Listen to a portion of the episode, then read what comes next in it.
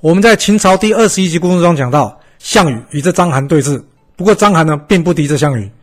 其实，在这段故事中呢，我觉得最有趣的是，真的是陈馀写了那封招降书给这章邯吗？这封信里面感觉只像是个邀约书，意思呢就是询问章邯有没有投降的意思。所以，章邯在后来有了投降意思之后呢，他就可以找人向这项羽表达投降之意。只能说写这封信的人呢，手法非常高招。